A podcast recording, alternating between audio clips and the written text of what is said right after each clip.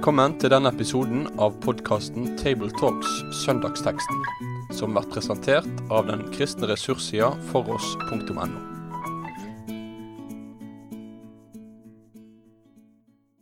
Velkommen til, til Tabletalks. Table Talks. Uh, vi skal snakke om uh, søndagstekster.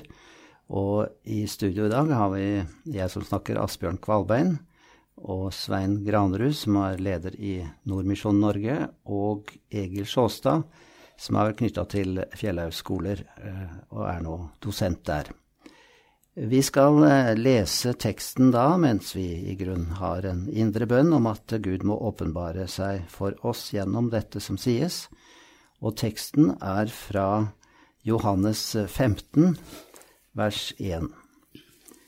Jeg er det sanne vintre, og min far er vingårdsmannen. Hver grein på meg som ikke bærer frukt, har han bort, og hver den som bærer frukt, renser han, for at den skal bære mer frukt. Dere er alt rene på grunn av det ord som jeg har talt til dere.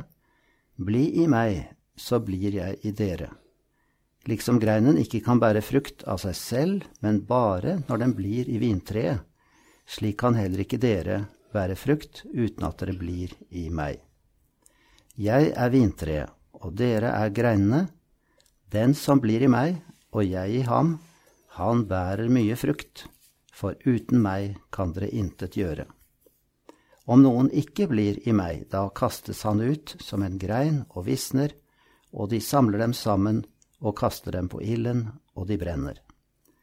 Dersom dere blir i meg, og mine ord blir i dere, da be om hva dere vil, og dere skal få det. Og dette, i dette er min far herliggjort, at dere bærer mye frukt, og dere skal bli mine disipler. Ja, i enhver eh, tekststudium så er det godt å tenke litt på sammenhengen. Hvilken eh, sammenheng står dette i, eh, Egil? Ja, Dette er jo en del av Jesu avskjedstale. Han holder denne talen her sannsynligvis skjærtorsdag kveld. da. Ikke langt ifra denne fotvaskingen og innstiftelsen av nattverden osv. Og, så og utblikket i denne talen her, det er på tida etter at Jesus har stått opp. Derfor er det mye om Den hellige ånd i denne talen. Og da tenker jeg også at den teksten vi har lest nå, har å gjøre med det indre liv som skapes når Den hellige ånd har kommet. Ja, jeg tenker meg jo at Johannes han var vel den yngste av Jesu disipler, tror vi. Han og de andre de fulgte nok veldig godt med den kvelden der. Det har de nok gjort hele tiden. Men de hadde en fornemmelse, det skjønte de av det Jesus hadde sagt, at nå var det ting som var i endring. Det som lå foran, var annerledes enn det som hadde vært. Så, så det er litt ålreit å, å, sette seg inn kanskje litt i deres sinnstilstand som lyttet. Konsentrert, spent, usikre. Hva er det han ville ha sagt? Så, så det er en veldig lyttende flokk, ser jeg for meg, som hører på Jesus og har ikke helt begrep om hvorfor han sier det han gjør, men de, de skjønner at det er viktig. De skjønner at det er viktig. Og, og så har Johannes da evnet å ta vare på det og gi det videre, så vi nærmest kan sitte sammen med disiplene. Og vi vet jo løsningen, og jeg vet hvordan det gikk. Men det er ikke så dumt å prøve å tenke sammen med dem som sitter her og spør ja, hva er det han vil ha sagt? Hva er det han vil med oss med å si det her?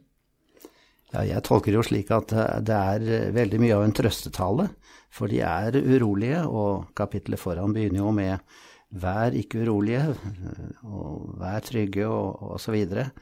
For de er veldig usikre. Og så dette bildet han da bruker om vintre, det er ment til trøst. Uh, nå er vel dette med vintre og greinene, det er et bilde fra Det gamle testamentet, er det ikke det? Ser vi tekster om vingård ja. i, i Det gamle testamentet. Gud som tar seg av sin vingård. I Jesaja 5 er det en sånn tekst. Så, og her går det mer direkte på vingårdsmannens uh, måte å håndtere treet på. Det er et flott bilde, et viktig bilde. Men Ja, det er også viktig at det står 'det sanne vintreet'. Ja. Så da har på en måte Jesus tatt eh, stillingen, eller posisjonen, som det sanne nye vintreet. Ja, og det sanne her, det stilles jo nærmest i, i relasjon til vintre i anførsel som ikke er virkelige. Det Jesus er den virkelige, den reelle, den som det går an å komme i samfunn med Gud gjennom.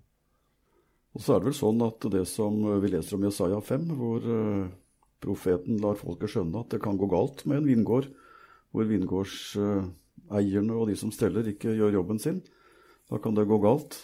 Og så kommer Jesus, og så bruker han dette bildet som alle jødene kjente veldig godt til. Og så taler han om seg selv. Så, så Jesu bruk av gammeltestamentlige eh, metaforer er et litt dumt uttrykk, men forbilder som han bruker på seg selv, det, det tenker jeg disiplene hadde enda større forutsetninger til og med en gang å gripe enn det vi gjør. Så det er viktig, som Egil gjør, å minne om at uh, dette er en beretning som var vel kjent blant jødene, og disiplene de sperret nok øynene opp med en gang Jesus brukte det bildet. Ja.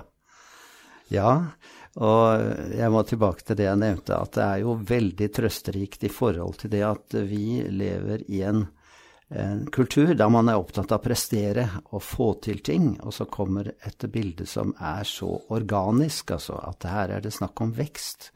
Hvis du tenker på en ung, keitete tenåring på 12-13 år som skal bli 20 år, og alle de forandringer som skal skje i det unge mennesket, så presterer det ikke noe for å få det til, disse forandringene. Det kommer bare i form av vekst og utvikling.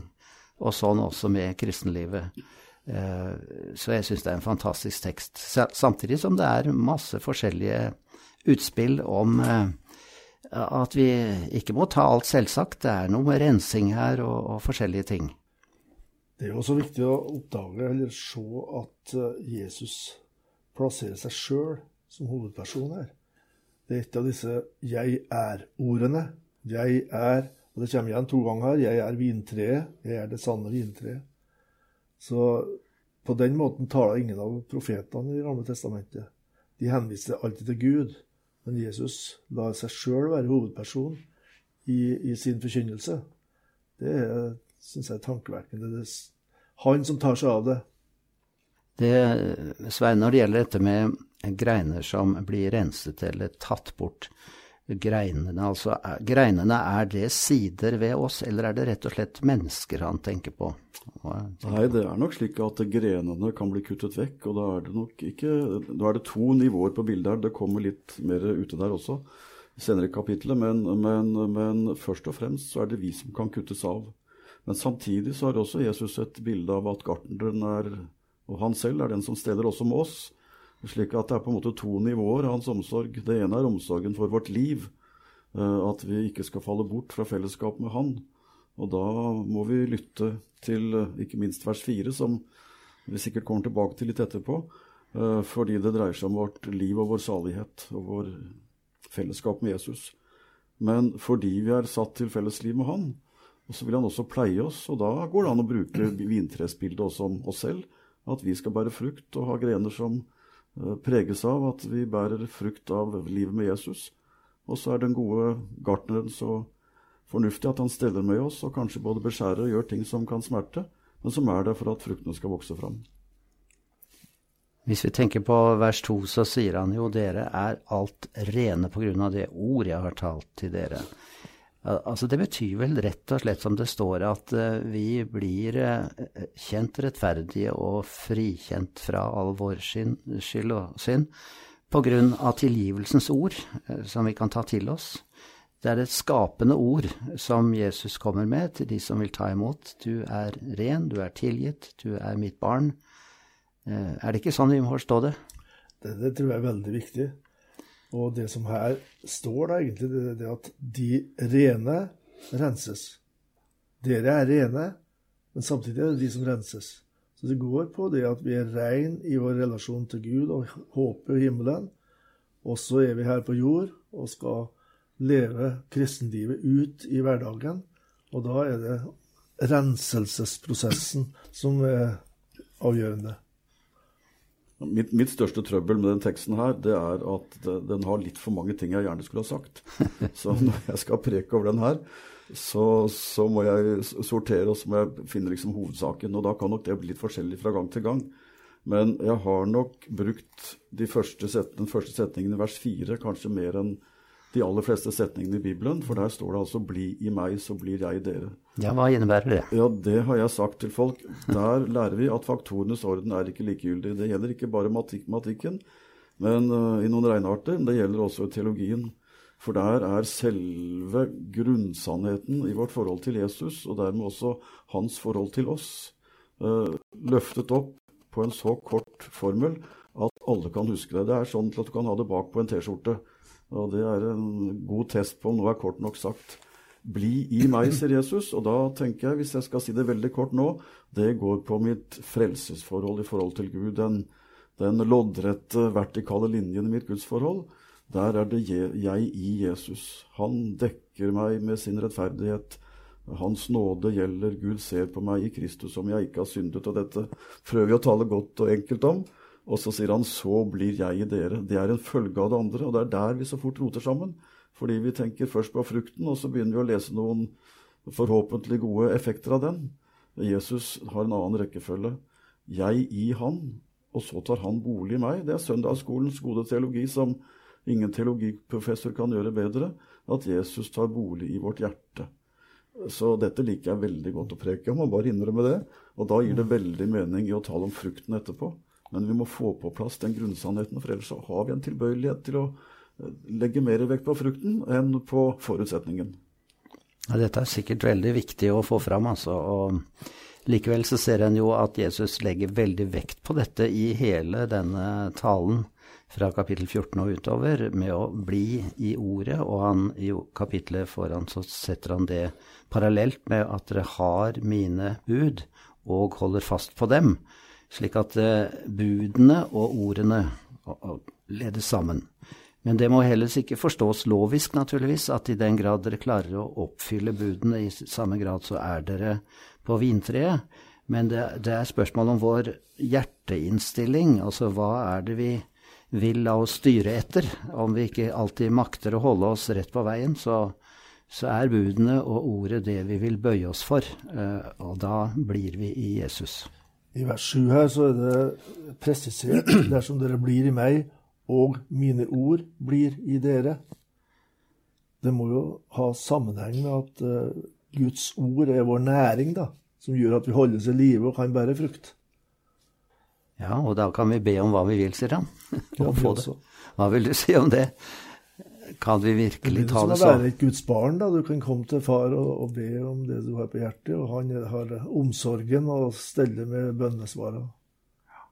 Og så må vi ikke glemme dere at vi, vi, har med den evangelisten å gjøre, som har lært oss at Jesus ikke bare taler Guds ord, men han er Guds ord. Mm. Jesus, nei, Johannes unnskyld, innleder både evangeliet og sitt første brev med å si at Jesus er ordet. Ordet som tok bolig blant oss. Og I innledningen til første brev så sier han at det er ordet som både vi hørte og så, og som våre hender tok på. Kan enda et skritt videre. Så det er veldig avgjørende for både vår forståelse av Jesus og også vår forståelse av Bibelen at vi holder fast på det som Johannes to ganger repeterer, at Jesus er ordet. Han er det ordet i Skriftens ord som gjør at de andre ordene får mening. Hvis ikke Jesus får være Skriftens sentrum, så faller både bud og formaninger bort og blir moralistiske bud. Så Derfor er det så viktig at Johannes får hjelpe oss med både å holde fast på at Jesus er ordet, og at de ordene han taler, de er til liv for oss. Både når de forkynner evangeliet om frelsen, og når de gir oss budene som rettesnor for livet. Det er mange salmer og sanger som har med dette inderlige kjærlighetsforholdet. da. I gammel, fra gammel tid er kalt unio mystica, den mystiske forening. Altså den inderlige foreningen med Kristus, samfunnet Uh, Jesus din søte forening og smake sang vi da jeg var liten. Jeg forsto ikke hva det betydde engang, for forening var for meg Misjonsforeningen. Men mye, mye kaker, vet du, Egil. ja. Men forening har med at du blir ett med. Enhet, altså. Og uh, det er veldig mange sanger om, om oss om at uh, Jesus bygger seg sitt tempel i oss. Han blir født i oss, står det i julesangene. den siste verset av 'Mitt hjerte alltid vanker'.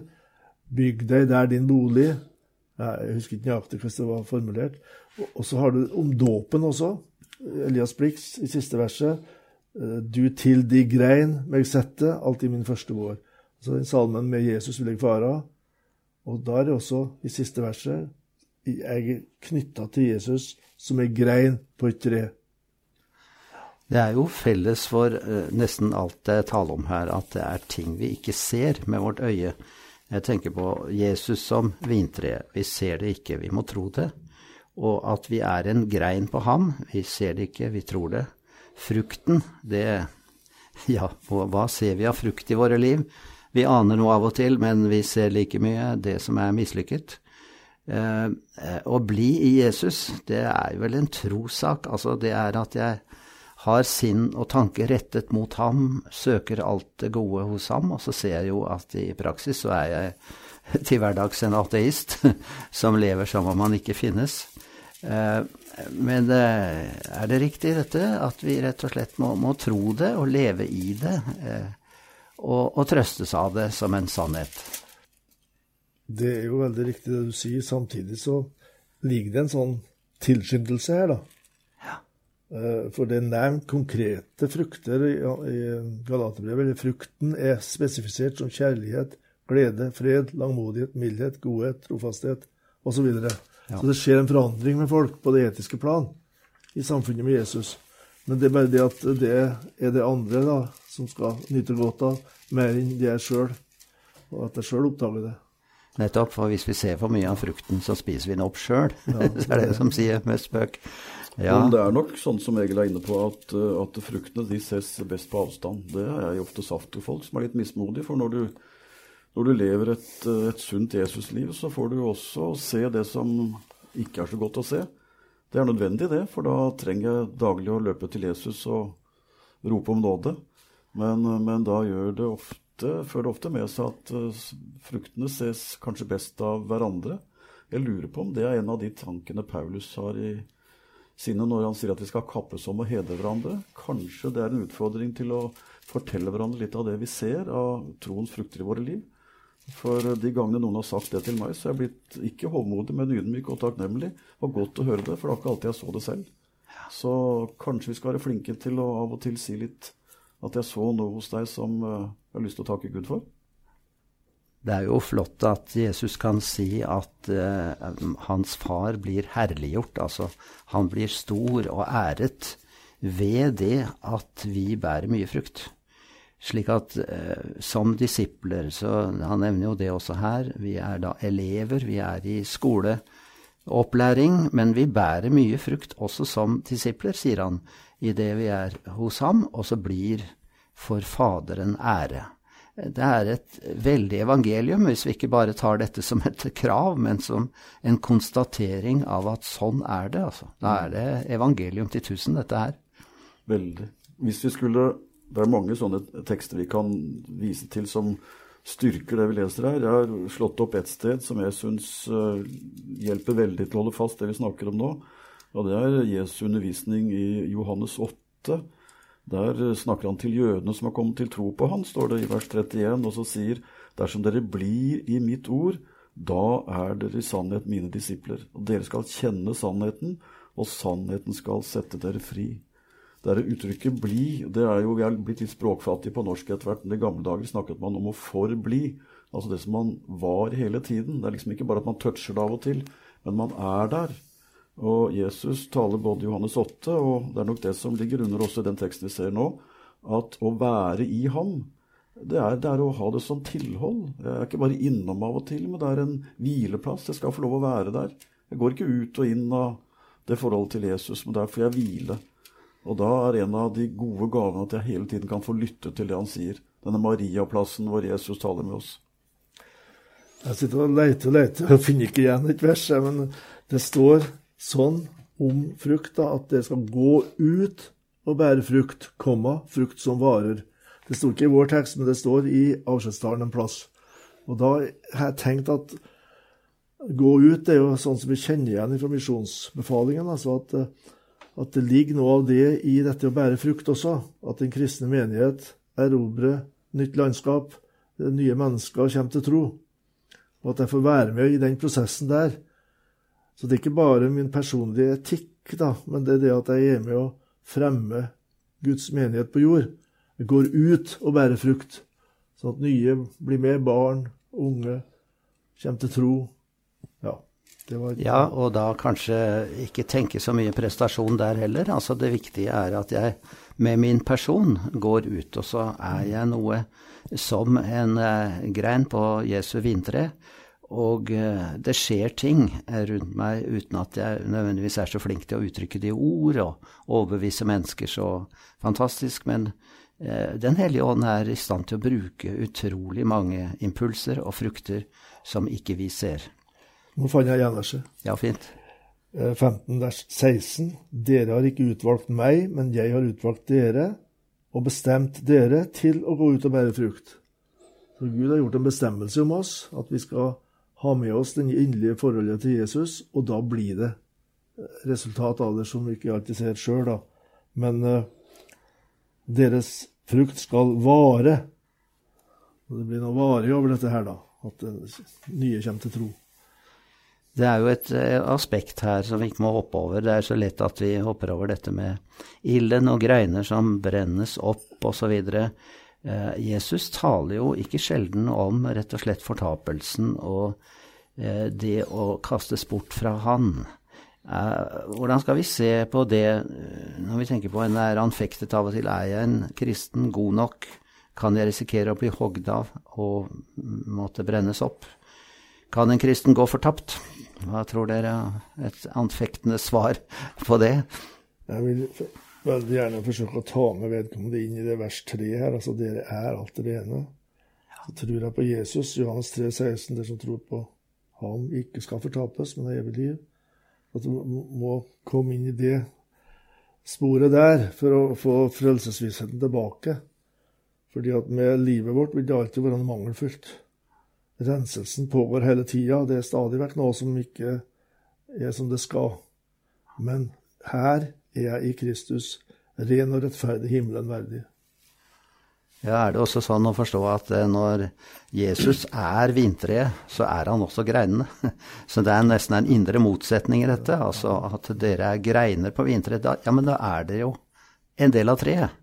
Og det er vel dette som de kalte, som vi er inne på, unio mystica, den uh, underlige enheten. Det, jo, det, gjelder jo for alle de tre bildene som Jesus bruker på forholdet mellom seg og menigheten og seg de troende. Det er jo vintre og grener som vi taler om her. Han er både treet, og han er stammen, som vi har podet inn på. Og så er han legeme, men også hodet, og vi er lemmene. Og så har du i første Peters brev tempelet bygd av de levende stener. Så alltid er Jesus han er både helheten, og samtidig er vi en del av den. Det er på en måte to sider av det bildet som man aldri blir helt ferdig med å, med å forstå. Når du spør om en kristen kan gå fortapt, så tenker jeg at Bibelen minner oss om at det er mulig å gå seg vill. Det er mulig å falle fra, så vi må ikke fortie det. Men det kan nok hende, ikke minst i dag, så er det behov for å hjelpe folk til ikke å tenke for mye emosjonelt om det, at man glir ut og inn avhengig av hvordan man føler seg at man har det. Vi må tale noe om det å være barn, og det å høre hjemme, og det å vite at vi er hos Han nettopp fordi vi har kommet til Han med livene våre. Og så er fruktene de er nok et kjennetegn på at livet er der. Men hvis mitt fokus blir å telle mine frukter, da kan det være et faretegn. Det er mye viktigere for en kristen å påse eller ta vare på den daglige stunden med Jesus, hvor han får tale med meg. For det er der fruktene kommer, det er der de begynner. Så det er på en måte nådens rom hos Jesus og lydighetens vei i hverdagen.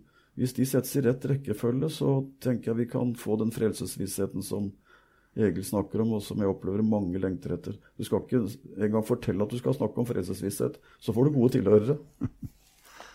Men det er klart, det, det ligger til alvor her også, i vers 6, om noen ikke blir i meg, da.